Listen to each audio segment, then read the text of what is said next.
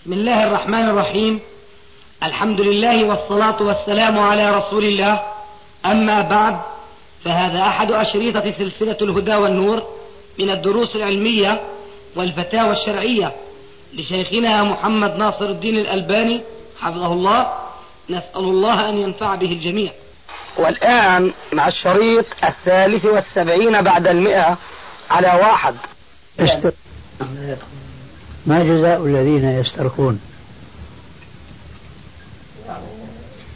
لا يدخل الجنة. يعني. نعم. من حديث عكاشة الجواب أنا ما لك حديث ولا أي. أعطيني شو الجواب فقد برئ من التوكل نعم. ومن استطاع فقد برئ من التوكل ولمن استوى آه لا من اكتوى. من استوى فقد آه نعم. أبو محمد أعطاك المفتاح. الجزاء الجزاء أنه ليس من السبعين ألفا. الذين يدخلون الجنة بغير حساب ولا عذاب. طيب. إذا كان الأمر كذلك فهل الطفل الصغير يمكن أن يدخل في هذا؟ فإذا أقصد المرأة عندما يعني هي تطلب. ليس لنفسها نعم. وإنما لوليدها. يعني لو قلنا مثلا لأبو ليلى والله قلنا أين ابن حسين. ما فيها شيء. يعني. يعني مثلا شيخ يعني الاسترقاء هو طلب الرقية من الغير. لمن؟ لنفسه. أما نفس المريض يقول أرقيني هذه هي اللي فيها. هذا هو هذا معناه. أما إذا تطوع الراقي ما فيها شيء. أبدا. بل هذا اللي طيب. هذا هو السنة. بالنسبة نعم. تسمح تتركونا آه، نسأل الشيخ هالسؤال الطويل إذا أمكن على موضوع أبو يوسف. نعم. إذا أمكن تضعون لنا إياه شريط نسمع. قدر كافي لأن هذا نريد أن نضعه في كتيب عن أبو يوسف إن شاء الله. نعم. آه، فهل لك يا شيخ إن شاء الله بس تحضروا لنا شريط لو لو ناديتني بكنيتي كان ذلك أحب من أن تناديني بشيخ في نفسي. نعم. الرحمن. أبا عبد الرحمن. يا أبا. نحن تعرفنا عليه وهو في حلب. وكان بطبيعة الحال يحضر دروسي الشهرية التي كنت أتردد إلى حلب من أجلها. كان لي نظام أسافر من دمشق إلى بعض البلاد الشمالية كحما وحمص وحلب وإدلب واللاذقية. وكان مركز الدعوة بعد دمشق هي حلب نفسها. فكان أبو يوسف رحمه الله يعني حريصا كل الحرص على أن يحضر هذه الدروس. وفي اعتقادي من هناك آه تشرب الدعوة السلفية. ثم آه نقل أو عين إماما في بعض القرى بعيدة عن حلب. وهناك بدأ ينشر السنة. وكالعادة قامت الغوغاء ضده. أن كل ما جاءه بسنة فلسان حالهم وقد يكون ذلك لسان قال بعضهم. ما سمعنا بهذا في آبائنا الأولين. وكانت تصير بسبب ذلك بعض المشاغبات ضده حتى يكون نتيجة الأمر أن يوصلوا أمره إلى المخابرات فترسل المخابرات خلفه وتستجوب وتستنطقه والمخابرات هناك بلا شك ما بهم دعوة سلفية أو دعوة خلفية ولكن إنما يهمهم أن ما يصير هناك شوشرات وفتن. تزعجهم هم يعني ثم هم يجهلون ما وراء هذه الفتن لعل وراءها فتن ضد الدولة. ولذلك فهم يحاولون في كثير من الأحيان أن يسكتوا هذه الأصوات التي تنادي بالدعوة السلفية. إرضاء للجمهور وإلا كثير منهم في قرارة أنفسهم كانوا يعترفون بأن هذه الدعوة نحن نؤيدها وإلى آخره لكن ما نريد إثارة خلاخل وبلابل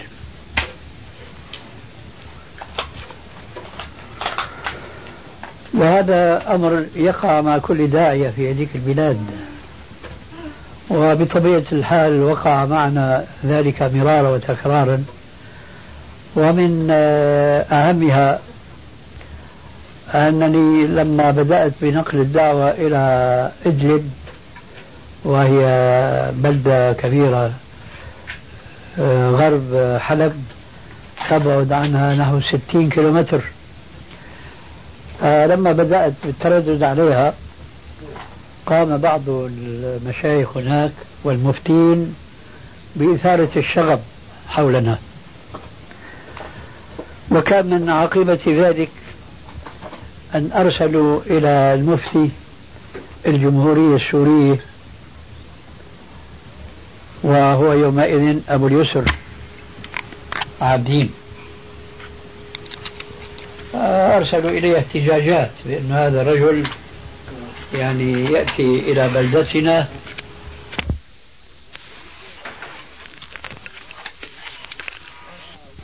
معليش لكن أنا الآن عم أضرب لك مثال ما يفعلونه مع الدعاة وأنا منهم. ف... قال لي وزير الداخلية وأنا عندي طلب من المفتي وهذا مما يضحك الثكلى كما يقال. طالب المفتي من وزير الداخلية أن تنزع عني الكسوة العلمية. هو يتوهم أني شيخ من المشايخ صاحب إمامي كالبرج وجب كالخرج. هذا زي إيش؟ أهل العلم هناك. هو متصورني هكذا وأنا هناك كما تروني ها هنا. ما في زي خاص يعني لأنه نرى أنه جحل الأزياء لأهل العلم هذه من بدع دخيلة في الإسلام. فضحكت أنا لما سمعت بيقول نزل كسوة العلمية قلت له أنه كسوة كسوتي ليش شايفني فيها. إيه. وطالب نفي إلى الحسكة. الحسكة بلدة في الصحراء الشمالية الشرقية متصلة بحدود العراق. هذا يعني معاقبة إلي. حتى ما يصير الفتن.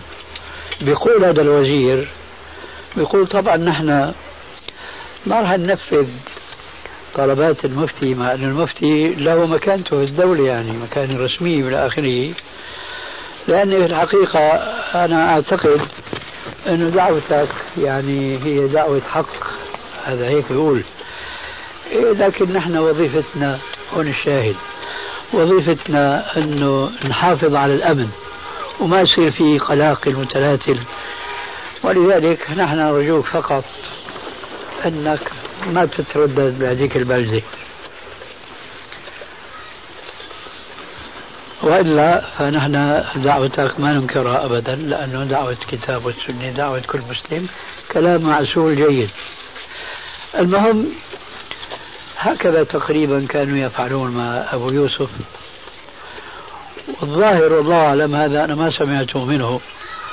إنه المضايقات هذه التي كان يصاب بها في سبيل دعوته هي التي حملته على أن يهاجر إلى الكويت. ثم لحق به فيما بلغني. صهره والآن أنا أسأل عنه تعرفه؟ موجود صهره نعم هنا في الكويت. في الكويت. نعم. إيه، هل كان ملازما لعمه هذا؟ لازمه في أوقات لكنه الآن يسكن بعيدا عنه ولا يلازمه إلا إذا حضر إلى الديواني في الحي الذي هو فيه إيه. أو يزوره كل أسبوع إلى بيته. أنا نسيت اسمه. تحفظ اسم هذا الرجل؟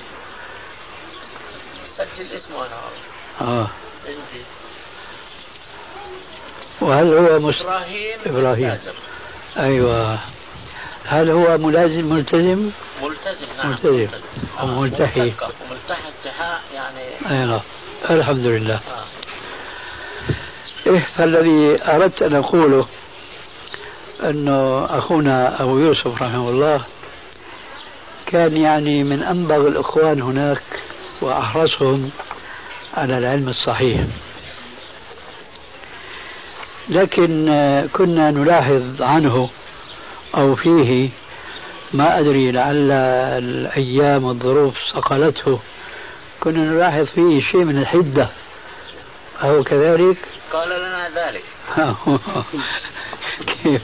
نعم. كيف يعني؟ قال لنا ذلك يعني وضرب مثالا على حدته أنه رأى يوما أحد الناس الذين يدخنون الدخان فأذكر أنه قال أني أخذت منه السجارة ووضعتها على جسدي الله أكبر. إيه هذه الحدة يعني تنفع أحيانا لكنها تضر غالبا. نعم نعم ويظهر أن واحد غيره كان مثيلا في حدته فدفاعا عن نفسه وضع حديثا نسبه إلى نبيه فقال قال رسول الله صلى الله عليه وسلم الحدة تعتري خيار أمتي. الحدة تعتري خيار أمتي. أي نعم. وإلا أنا أشهد لله عز وجل أنه هو من أخلص ما رأيت من إخواننا. و, و يعني أحرهم على الدعوة. حريص يعني على الدعوة. والله لمسنا هذا هذا ليس في مثال وإنما أمثلة طيلة عشر سنوات. أي نعم. سوري شيخنا هو؟ لا هو فلسطيني. من فلسطين آه. من عنبة. نعم إيه. هو فلسطيني. إيه رحمه الله. وغفر لنا وله. وكيف علاقتك معه العلمية؟ يعني كيف أخذ منك العلم؟ سيما وهو يعني كما نلاحظ متأثرا جدا بفكرك. هو اولا أنا ذكرت لك كان يحضر دروسي هناك. في سوريا. في سوريا في حلب بصورة خاصة. واحيانا كان يزورنا في دمشق أحيانا. لكن غالب اتصاله بي كان بسبب ترددي على حلب وحضوره دروسي. كان حريصا على ذلك أشد الحرص. ثم لا يخفاك أنت انه الآن الناس بيتلمذوا على الشخص بدون أن يروه بيتلمذوا على كتبه. وبالمناسبة في شخص رأيته بمسجد الأبرار تعرفه أنت؟ نعم، تعرف اسمه؟ هو شيخنا من برا جاي من السعودية من عارف لكن هو ليس سعوديا. لا لا. هو يدرس في السعودية. نعم. السنة الماضية أيضا لقيني. قال لي أنا شخصيا ما بعرفك لكن أنا يعني متخرج بكتبك. وهالمرة من يومين كاتي وهي أبو محمد شاهد كان آه، ألح عليه بأنه لازم نزوره. هو من عجلون متزوج فتاة لوالد يقيم هنا وهو ينزل لما يأتي ينزل عند عمه هذا أبو زوجته. آه، ألح علي بأنه لازم نزوره إما هنا أو هناك في عجلون.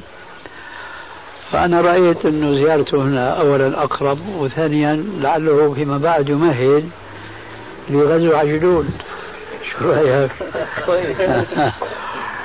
المقصود يقول هذا الإنسان أنه نحن يعني وراء إيش؟ الكتب.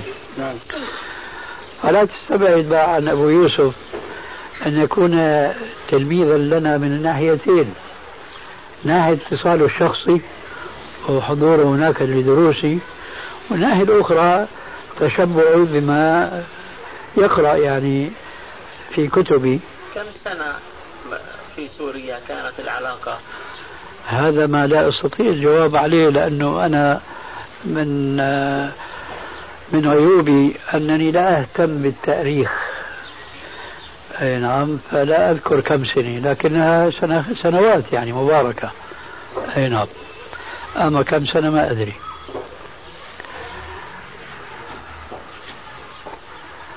وهو زارني هنا في في عمان نعم حدثك؟ نعم حدثك. إي نعم. زيارة خاصة. وكنا نأمل يعني أنه نشوفه أيضا أكثر من ذلك لكن ما شاء الله كان وما لم يشاء لم يكن. صعوبة حصوله على تأشيره والدخول هنا هو الذي كان يمنعه. مم. يعني صعب. آه. الله أكبر. الله يعين أخواننا هذول هذه بيسمون الأهل. وبعدين بيعاملوهم معاملة الخصوم. أما بالنسبة لعلاقته لعلاقته معك في المدينة أيضا ذكر لنا أنك كنت هناك في المدينة. أنا كنت في المدينة لكن تدرس اي نعم كنت ثلاث سنوات. إيش العلاقة؟ أنا ما أذكرها إيش. شو يعني كان من التل... من من الناس الذين كانوا يسمعون لك في الحديث. هناك في الجامعة. هو كان طالب في الجامعة؟ طالب في الجامعة. هذا مما أنسيته بالكلية وعمر الأشقر وعبد الرحمن. عمر أشقر أعرف جيدا عبد الرحمن هذول من تلامذتي في الجامعة الإسلامية. أما أبو يوسف الآن أنت عم تحاول تذكرني. كان معهم. كان معهم. وأخرج معهم. معهم. ثلاثة. آه. أي نعم. سبحان الله. وكيف علاقته مع عبد الرحمن؟ كويس زينة منيحة كان في في الأيام يعني ينتقد على عبد الرحمن لكنه آه الآن أخذ يعني يتفهم أشياء يعني من عبد الرحمن. إيه. آه. يعني في له شيء من التفهم. إيه هذا كان بعض الفتاوى التي يفتي بها عبد الرحمن لا لا يوافق عليها أبو يوسف هذا أمر طبيعي. ولذلك سألتك لأنه عبد الرحمن مع أنه من إخواننا وتلامذتنا كما ذكرنا آه، في اعتقادي غلبت عليه الناحية السياسية. فأظن يعني آه، انحرفت به بعض الشيء عن الخط السلفي. وهذا أمر آه، يعني ما هو بسهل يعني حينما يكتب في رسالة له أنتم تعرفون اسمها أنه لابد للمسلم من أن يرتكب بعض المحرمات في هذا العصر تذكر هذا الكلام له؟ لا والله لا أذكرها أي رسالة تذكر هذا الكلام؟ هي المسلمون والعمل السياسي أيوة ما قرأت هذه الرسالة؟ لا والله ما مم. مع أنه له رسالة في تحريم بيع, التقسيط مفيدة. أي نعم. فسبحان الله. العصمة ليست لأحد بعد رسول الله؟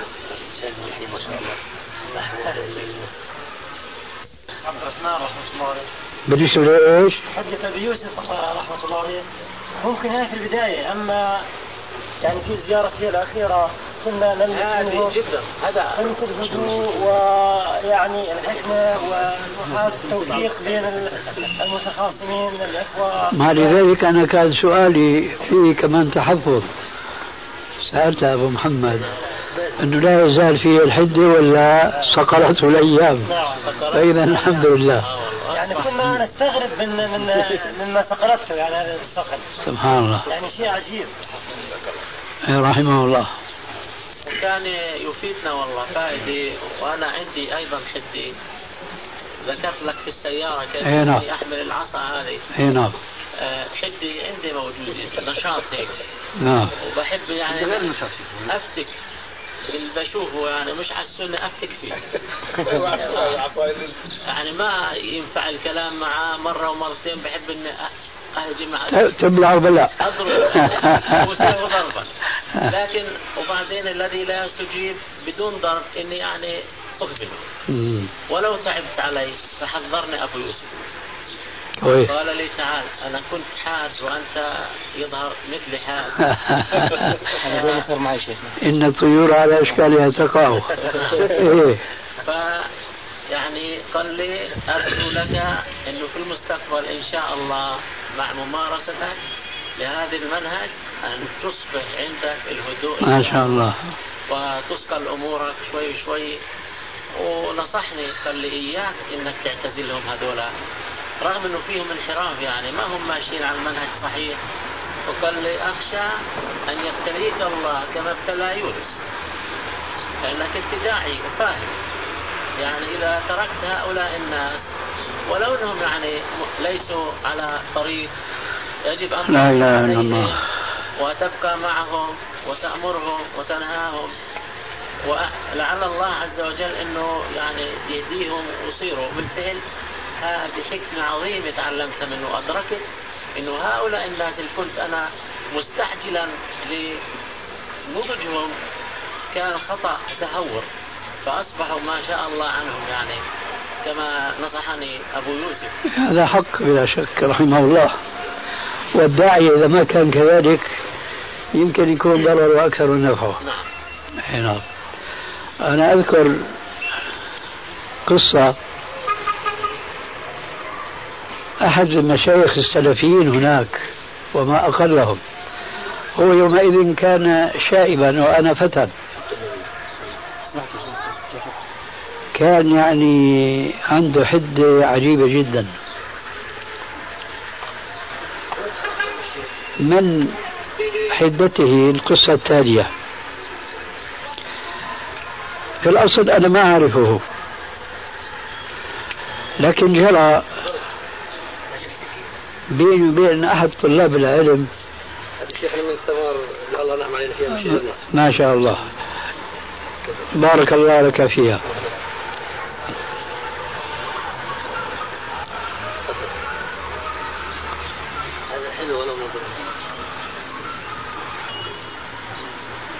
شخص اسمه محمد زهري النجار.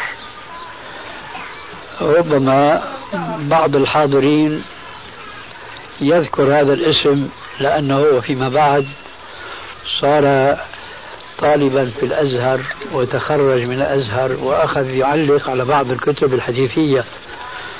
من ذلك أنه طبع كتاب شرح معاني الآثار لأبي جعفر الطحاوي وهي كانت مطبوعة في الهند. فطبعها في مصر في مجلدات وعلق عليها بعض التعليقات هذا الرجل محمد زهري النجار.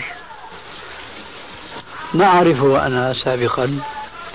كان اللقاء الأول بيني وبينه عند بائع كتب في دمشق.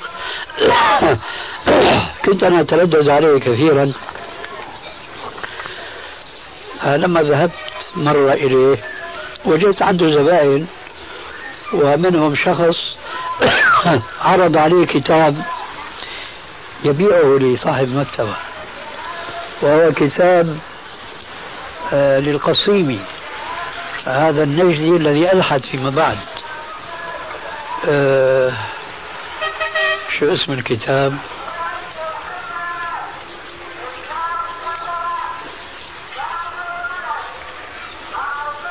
ما عم استحضر الآن اسم الشاهد عرضه مشان يشتريه. أنا طار قلبي وراء الكتاب. لأنه كان عندي معلومات عن هذا الرجل قبل أن ينحرف. أنه سلفي ومحاجج قوي. له كتاب اسمه شيوخ الأزهر. يرد عليهم رد علمي.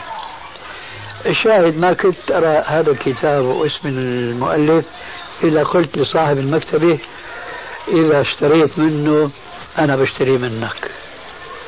هو سمع مني هذه الكلمة وأخذني جانبا عن الدكان. وأخذ ينصحني. وأنا يومئذ شاب كما يقال ما طر بعد شاربي. ولحيتي هيك زغبرة هون شوي هذا أحسن مني هلا. شايف؟ ما فيه يعني خفيف المرة. أبي اللي يدوني وهابي يدوني جماعة بينكروا التوسل وكذا. وصار يعدد لي إيش؟ بعد بعض مساويهم عنده. وإذا أنا انبريت برد عليه. وإذا هو يعجب مني. هو طالب علم ولابس جبة سوداء وإمامة بيضاء. وفعلا هو طالب علم قوي. حنفي المذهب. تعجب من ردي عليه. طبعا أنا أفهمته.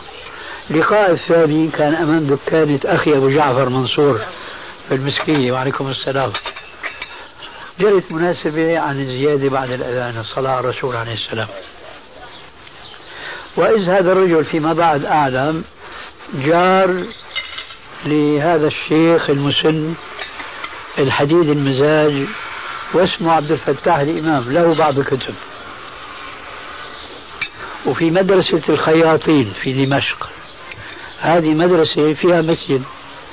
المدرسة فيها رواق فوق صفوف من الغرف للطلبة. الشيخ عبد الفتاح الإمام متخذ غرفة. طبعا هذه يعني ذهبت مفعولها ونظامها. صارت تعطى لبعض الناس طلبة العلم كأفراد. الشيخ عبد الفتاح آخذ غرفة شرقية وهذا محمد زهري النجار آخذ إيش؟ غرفة غربية. وبينهما من الخلاف ما صنع الحداد.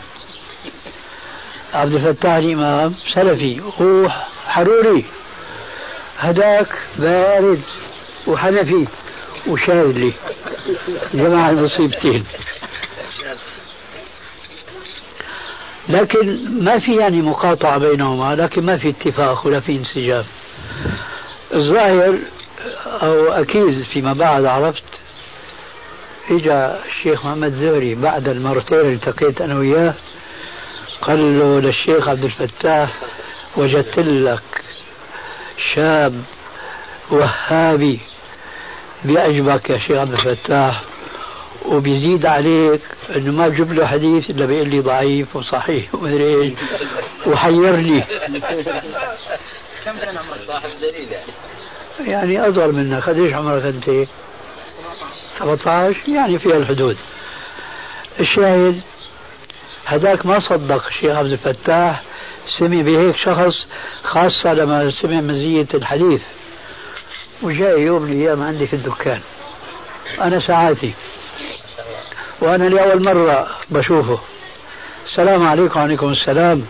بيطالع ساعة من جيبته ساعة جيب. هاي ساعة جيب اليوم بطلت كلها ساعات يد. قال لي قال لي شوف لي هالساعة صلحتها مرارا وتكرارا وما نصحوني فيها. أنا كالعادة بطبيعة الحال أخذت الساعة وأخذت السكين اللي بفتح فيه الغطاء حطيت الناظور من حدة طبعه قال لي حط لي الساعة هلا أنا ماني جاي مشانها. إيه، خير إن شاء الله. قال أنا سمعت عنك أشياء بدي أتحقق منها. تفضل. قال لي شو رأيك بالمواليد؟ قلت له وإياكم محدثات الأمور فإن كل محدثة بدعة وكل بدعة ضلال في النار. وهيك ما أطال الأمر يعني تحقق أنه مثل ما سمع وزيادة قال لي سمعت إنه عندك دراسة في الحديث. قلت له والله بعض الشيء. قال لي عندي كتاب اسمه صوت الطبيعة ينادي بعظمة الله. كتاب مطبوع هذا فعلا أسلوب عصري جميل. لكن أنا عندي ما له قيمة لأنه هو بهذا الصوت يثبت آه توحيد الربوبية.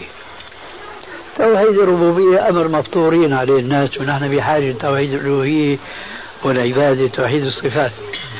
لكن الكتاب يعني ينفع وما يضر.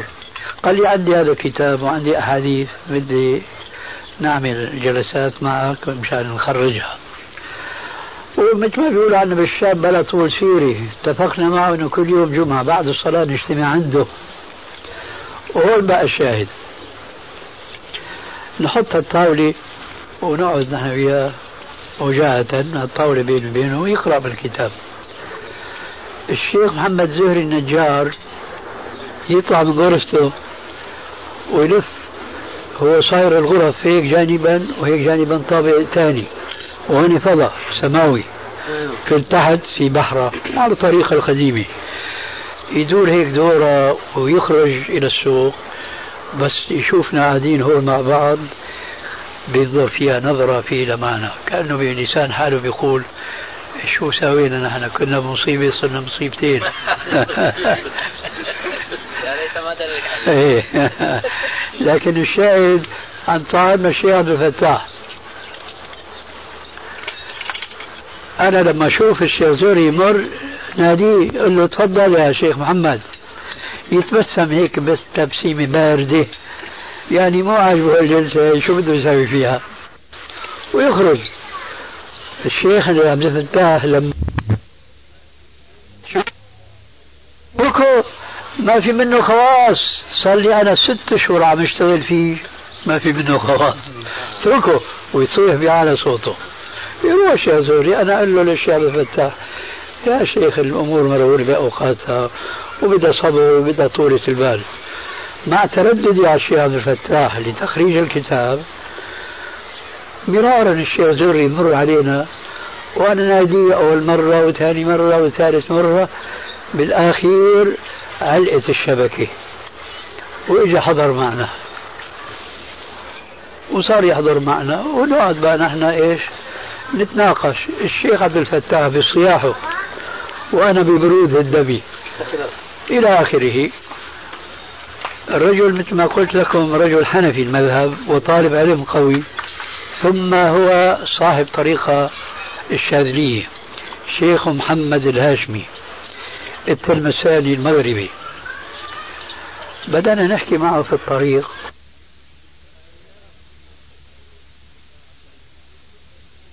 أنواع. ما بتعرف فيها خير.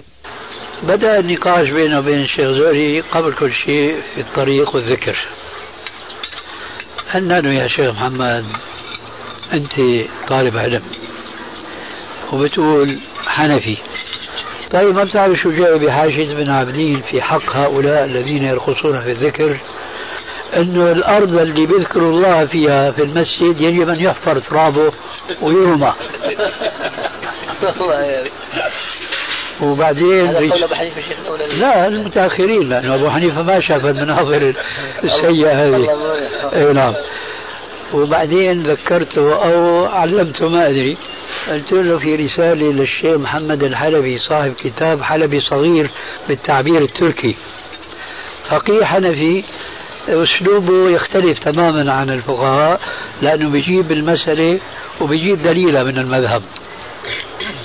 ولو أنه ما هو متحرر من التقليد لكن ماشي خطوات لما بيجيب الدليل. هذا الرجل حلبي الاصل من فضله مؤلف رسالة عنوانها يغنيك عن مضمونها. الرهص والوقص لمستحل الرقص. الرهص والوقص لمستحل الرقص. بمثل هذه النقول وبطولة البال مع محمد زهري نجار انقلب الرجل. صار معنا. لكن كان فيما يبدو متئدا وحق له ذلك. كان يحضر حلقة الذكر تبع الشيخ محمد الهاشمي ودون الشاذلية بيوقفوا وبيمسكوا بأيدي بعضهم البعض وبتشتغل مع الحلقة. يمين ويسار. تلاقي الحلقة كلها إيش؟ رايحة جاية يمين ويسار. لما نحن بينا له أنه هذا له بذكر الله واتخذوا دينهم لهوا ولعبا ما استطاع أن يتخلص من الحلقة لكن كشف القناع عن انقلابه. صار يوقف مثل السارية مثل العمود فرد شقفة الحلقة تتحرك يمين يسار حوله وهو مثل الحديد واقف. انكشف الرجل بهذه الطريقة. صاروا جماعته فاتني أذكركم إنه هذا من كياسته وعلمه كان مرشح أن يكون الخليفة بعد الشيخ كما هي طريقتهم شو صابوا هذا محمد زهري نجار صاروا بقى يتداولوا الكلام حوله. وصل الكلام بطبيعة حال الشيخ والشيخ شايف بعينه كمان. لحكمة يريدها الله وأنا عند الشيخ محمد عبد الفتاح بعد صلاة الجمعة. بنشوف الشيخ الهاشمي وعلمنا فيما بعد لأول مرة بيزور تلميذه. لأول مرة. بيجي لغرفته وبيزوره. لما طلع طلع التلميذ لتوديع الشيخ بعد ما ودعه اجى لعنا وهو يتبسم. أنا بدنا نشوف شو, شو نصحك الشيخ؟ حكى لنا بقى مثل ما كان هو نصحني أنا أنه دون وهابية وكذا نفس الكليشة يعني. نسخة طبق الأصل نصح الشيخ تلميذه أنه هذول لازم ما تعاشر وهذول عقيدتهم هذول كذا وكذا وإلى آخره.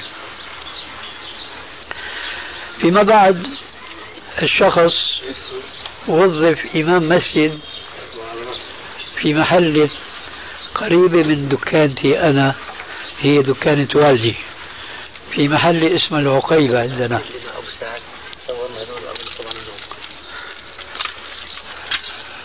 سبحان الله وصل الخبر لإمام المسجد اللي هو تجاه دكاني اسمه جامع التوبة.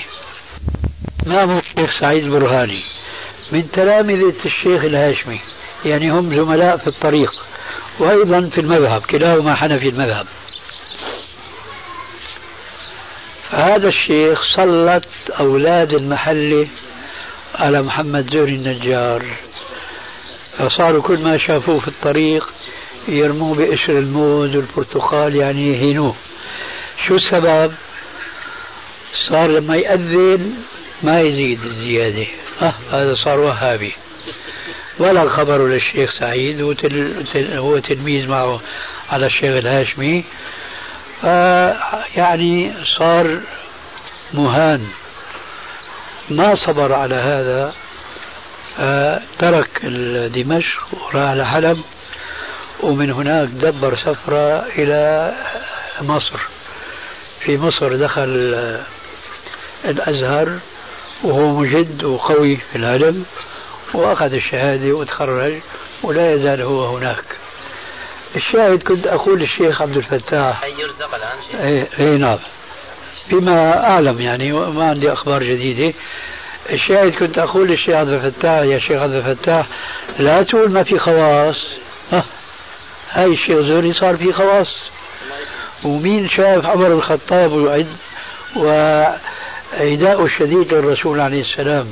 مين كان بيظن فيه إنه بيصير الشيطان بيخاف منه؟ لذلك الدعوة تحتاج إلى أنات وصبر وطيلة البال. الشاهد أنه أخونا أبو يوسف الله يرحمه الحمد لله اللي عرفنا هذه النتيجة أنه تعدل يعني فيما بعد وهذا نتيجة العلم يعني العلم والإخلاص فيه ورحمنا الله وإياه. لعله خلف من بعده من ينوب منابه هناك. من أبنائه لا. أبناؤه لم يكونوا يصحبون الله أكبر. في جلساته. لا حول ولا قوة إلا بالله. نجلس ساعات في ديوانه وأبناء وأبناؤه لا يحضرون إلى مجالسنا. لكنهم ليسوا عصاة. الحمد لله. إنهم من عامة الناس يعني. عاديون يعني. أكبرهم سنا كم؟ 25 25 24 25 عام يعني هم بخير من عامة الناس محبون للدعوة السلفية. وتستطيع أن تقول يعني الأكبر منهم تقدر تقول أنه سلفي يعني لأنه كان يجلس مع والده. كويس. آه. الحمد لله. أما الأوسط عبد الله فهو حرفي. كيف؟ حرفي. حرفي صاحب حرفة. ويشتغل ولا يجلس في يعني مهتم بمعاشه. نعم. لا يجلس في مجالس العلم. بالطبع يعني إنسان عادي من عامة. الناس نعم. وعبد الله الأصغر هذا عبد الله يعني وسط. هذا كم من الأكبر؟ يوسف. يوسف. ثاني وعبد الله وعبد العزيز. عبد العزيز. الصغير عبد العزيز. أنت تكلمت عن يوسف وعبد الله. وعبد العزيز ما خبره؟ الأصغر. إيه؟ عبد العزيز. كلهم ملتحين. الحمد لله. آه. عبد العزيز أيضا ملتحي. وهو يحب أبيه كلهم يحبون أباهم. ويحبون الدعوة السلفية يعني وينتمون لها. الحمد لله. لكنهم ليسوا يعني مثل طلاب العلم. يعني لا أسميهم طلاب علم. إلا فقط الأكبر. مم. الأكبر نعتبره طالب علم نعم يعني. طالب علم.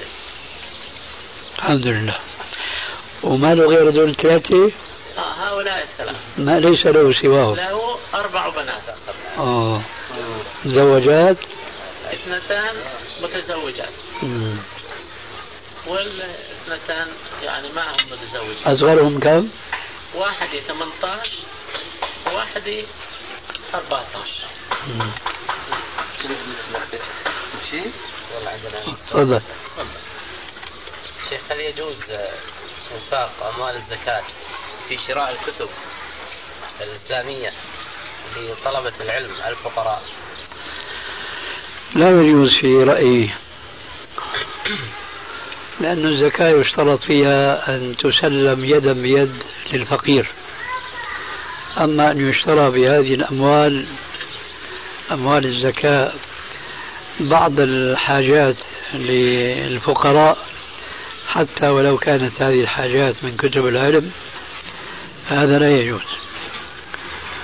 ينبغي أن تسلم هذه الأموال للفقراء من طلاب العلم وينصحون بأن تنفق في سبيل شراء الكتب أو يطلب منهم التوكيل بشراء هذه الكتب. فإن وكل فبها وإلا كان هو الأحق أن يتناول هذا المال ويتصرف فيه في حدود مصلحته الشخصية. هذا الذي نعتقده وهذا الذي يستفاد من النصوص الواردة في الكتاب والسنة. هذا يدخل هذا الصرف يدخل في عموم قوله تعالى وفي سبيل الله لو كان هذا العموم مرادا من هذه اللفظة أو هذه الجملة من الآية.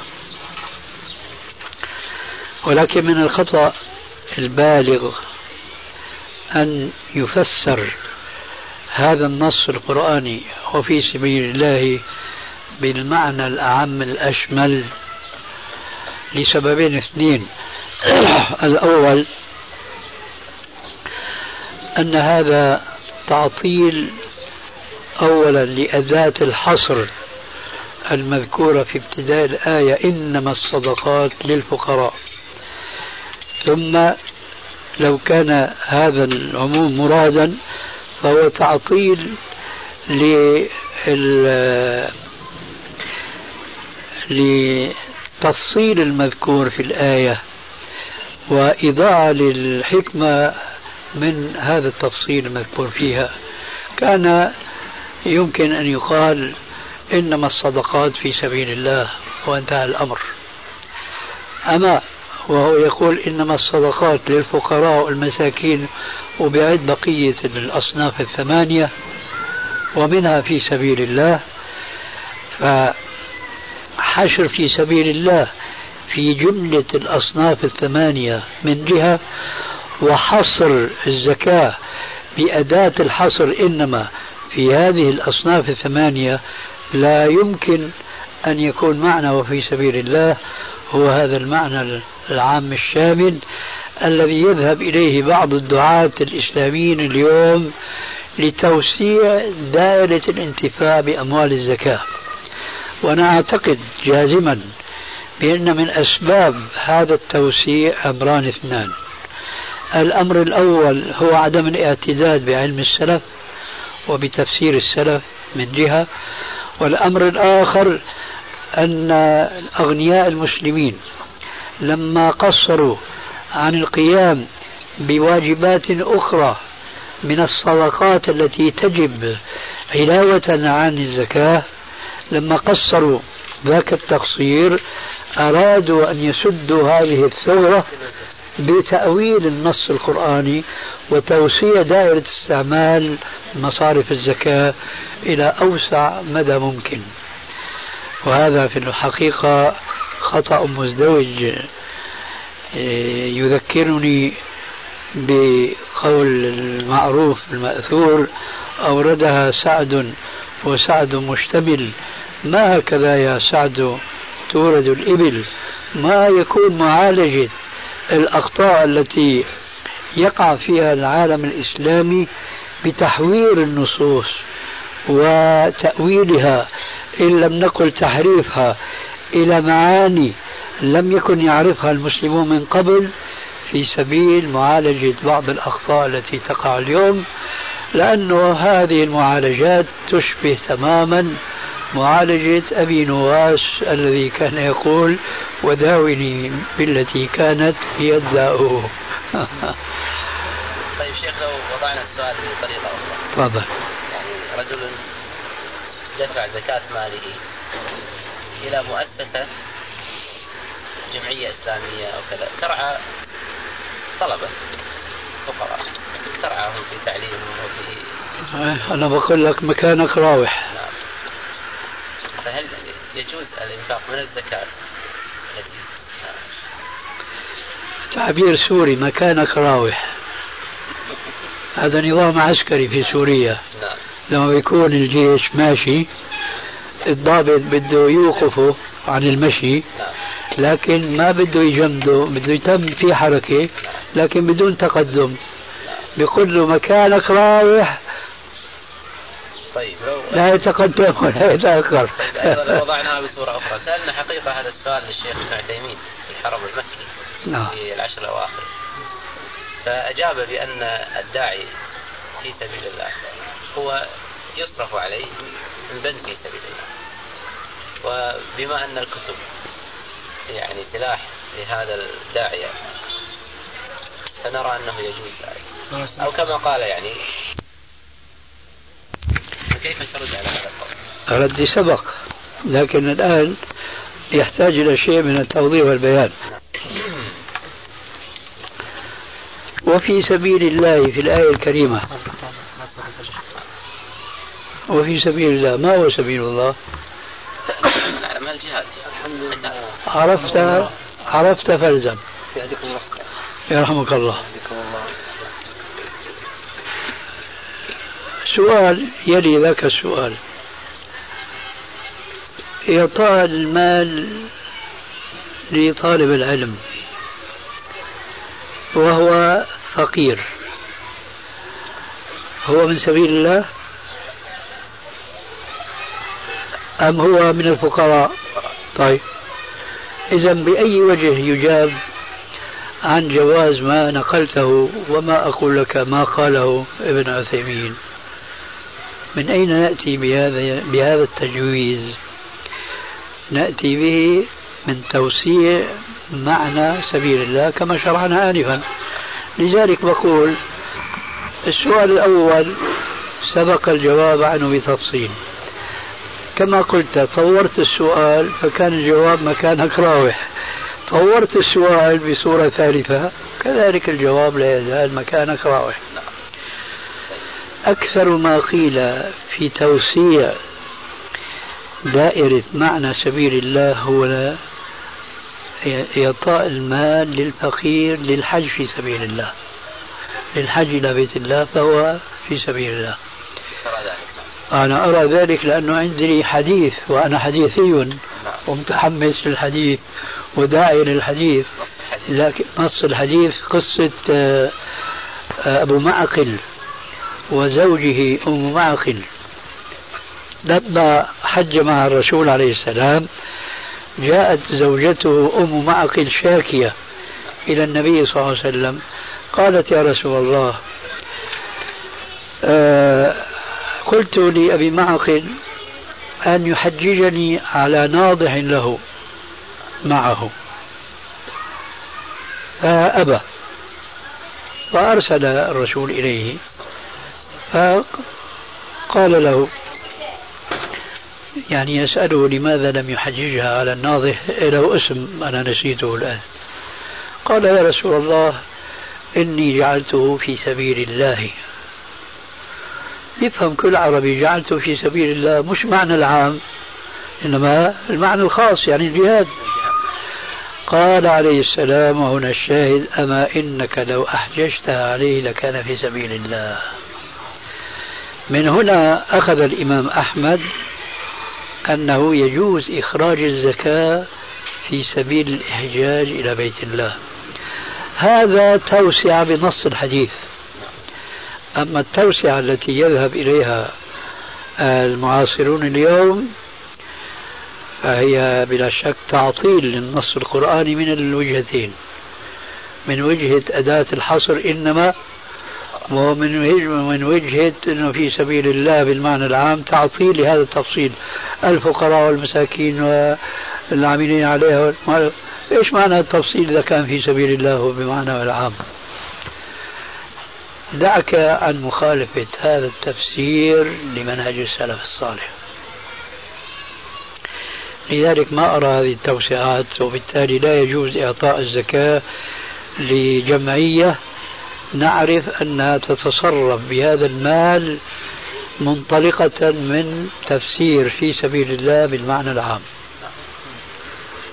لو أثرنا عليك في نفس الجو. ما في إدخال تفضل. قد يأتي رجل ويأتينا أحيانا يقول عندي مال من الزكاة أريد أن أحفر به بئرا للفقراء في أفريقيا. فيسألنا هل يجوز ذلك أو لا؟ أقول له هات من أموال غير الزكاة التي عندك. نعم. نحفر لك بئرا أما هذه الزكاة فملكها للفقراء. أو توكلنا نحن نملكها للفقراء. يعني ينبغي يا سيد طارق أن تلاحظ معنى التمليك هذه الزكاة. يعطى نقدا بيدي. أي نعم. نعم. طيب شيخ بالنسبة لموضوع الصدقة الجارية. نعم. نعرف من الحديث إذا مات ابن آدم قطع من ثلاث منها ولد صالح يدعو له. يدعو له نعم. يأتي أحيانا ولد صالح ويسأل ويقول لو بنيت مسجدا لوالدي أو لعمتي المتوفى. نعم. فهل الأجر ينتقل علما بأن نص الحديث يدعو له؟ أي نعم. ما في قال يبني له أي نعم. أو يحفر له بئرا أو كذا. أي نعم. فنحب نسمع رأيك. آه بالنسبة لأبيه فنعم بالنسبة لعمته فلا. وذكر الدعاء بالنسبة للولد الصالح هذا لا يفيد الحصر. الحديث لا يعني أن الوالد سواء كان الأب أو الأم آه، لا يستفيد من ولده إلا من دعائه الصالح. هذا لا يعطي الحصر وإنما يعني كما هو معروف في الأسلوب العربي. من مثل قول عليه السلام الحج عرفة. هذا لا يعني أنه ما في مناسك حج إلى الوقوف في عرفة. وإنما هذا من باب ذكر أهم شيء في الحج وهو الوقوف في عرفة. الحج عرفة لا يعني الحج كله الوقوف في عرفة. فليس هناك في بيات في منى ورمي الجمرات وبيات في المزدلفة وصلاة الصبح هناك وطواف قدوم وطواف إفاضة لا ينفي الحديث هذه الأشياء المشروعة. آه هذا أسلوب في اللغة العربية وبه نزل القرآن وجاء الحديث عن الرسول عليه السلام. أقم الصلاة لدلوك الشمس إلى غسق الليل وقرآن الفجر إن قرآن الفجر كان مشهودا. ذكر هنا قرآن الفجر لا يعني فقط قرآن الفجر وإنما صلاة الفجر لكنه ذكر من الصلاة أهم ما فيها من أركان ألا وهي القراءة. كذلك هنا لما قال وولد صالح يدعو له ذكر الدعاء لأنه أهم شيء وأسرع شيء يمكن أن يستفيده الميت وهو الوالد من ولده. أما أن الوالدين يستفيدان من الولد الصالح من غير آه، الدعاء فهذا بلا شك أمر مقطوع به بنصوص خاصة بعضها ونصوص عامة بعضها الآخر. فمثلا إن أمتي افتلتت وعليها نذر. أفأوفي بنذرها؟ قال نعم. أخرى أنه عليها حج أحج عنها؟ قال نعم. وحديث الخثعمية وهو من أشهر ما يتعلق بالموضوع. إن أبي شيخ كبير لا يثبت على الرحل وقد أدركته فريضة الله الحج. أفأحج عنه؟ قال حج عنه. فإذا لا لم يأتي قول عليه السلام ولد صالح بمعنى الحصر. أما الأحاديث العامة النصوص العامة فمثل قوله تعالى أم لم ينبأ بما في صحف موسى وإبراهيم الذي وفى ألا تزر وازرة وزر أخرى وأن ليس للإنسان إلا ما سعى. بضميم قوله عليه السلام أطيب الكسب كسب الرجل من عمل يده. وإن أولادكم من كسبكم. وقوله تعالى سنكتب ما قدموا وآثارهم. الولد من أثر أبيه. فكل عمل يفعله الولد الصالح فله للوالد والوالدة منه حظ كبير. ولهذا من بنى مسجدا عن روح أبيه كما يقولون اليوم. ونحن نرفع كلمة الروح لأنها لون ونقول من بنى مسجدا عن أبيه. أي نعم. فينفع ذلك أباه أكثر مما لو بنى المسجد ولم ينوي لأبيه. لو بنى المسجد ولوجه الله فله أجره ولأبيه حظ منه لكنه لو بنى المسجد عن أبيه فالأنفع لأبيه هو هذا دون الأول والعكس بالعكس. يعني شيخ لا يتعدى الأجر أي نعم لا, لا يتعدى الأجر الوالدين في مثل ما نحن فيه. نعم هذا عظيم. آه قلت فيما نحن فيه نعم. لأنه الأمثلة تختلف نعم. باختلاف المتعلقات أو المتعلقات. مثلا رجل علم آه، الناس تلاوة القرآن فطالما وجد من هؤلاء الطلبة يتلون القرآن فللمعلم حظه منه وهو في قبره. وهذا أيضا يستفاد من الآية السابقة. كذلك الحديث الذي ذكرته أو علم ينتفع به وهذا من العلم الذي ينتفع به. لكن فيما يتعلق بعموم الانتفاع بعمل الرجل فهو هذا العموم يتعلق بالوالدين فقط. أي نعم. وإياك. في موضوع بالنسبة للنقطة عفوا لو بنى مثلا مسجد عن عن أبيه آه، أو بنى مسجد الله تعالى بدون قضية عن أبيه أنت قلت أنفع لأبيه لكن بالنسبة لنفس إيش قلت؟ أنفع لأبيه؟ لو بنى مسجد. لا ما تعيد كلامك. نعم. بس النقطة هي. عن أبيه إيش قلت أنا عن أبيه؟ أنفع لأبيه. أي صورة؟ أي صورة؟ الصورة أنه إذا نواها عن أبيه أنفع من أن يبني, يبني المسجد. إذا بنى المسجد يكون حظ لأبيه لكن دون الصورة الأولى. يعني لما يبنيها بنية أن هذا المسجد عن أبيه يكون أنفع لأبيه. تمام. الآن آه، أيهما أنفع لذات الشخص؟ أن ينوي عن أبيه أم هكذا؟ سبق الجواب في هذا. قلت والعكس بالعكس. أيوه. سمعتها كلمة والعكس بالعكس. يعني إذا بنى المسجد لن ينوي لأبيه فهذا أنفع له. تتمة الكلام في الشريط التالي. نعم. شيخنا قرأت القرآن الولد تجزي لوالده المتوفى يقرأ القرآن. طبعا هذا سبق الكلام عنه. نعم. غيره. نعم. بالنسبة شيخ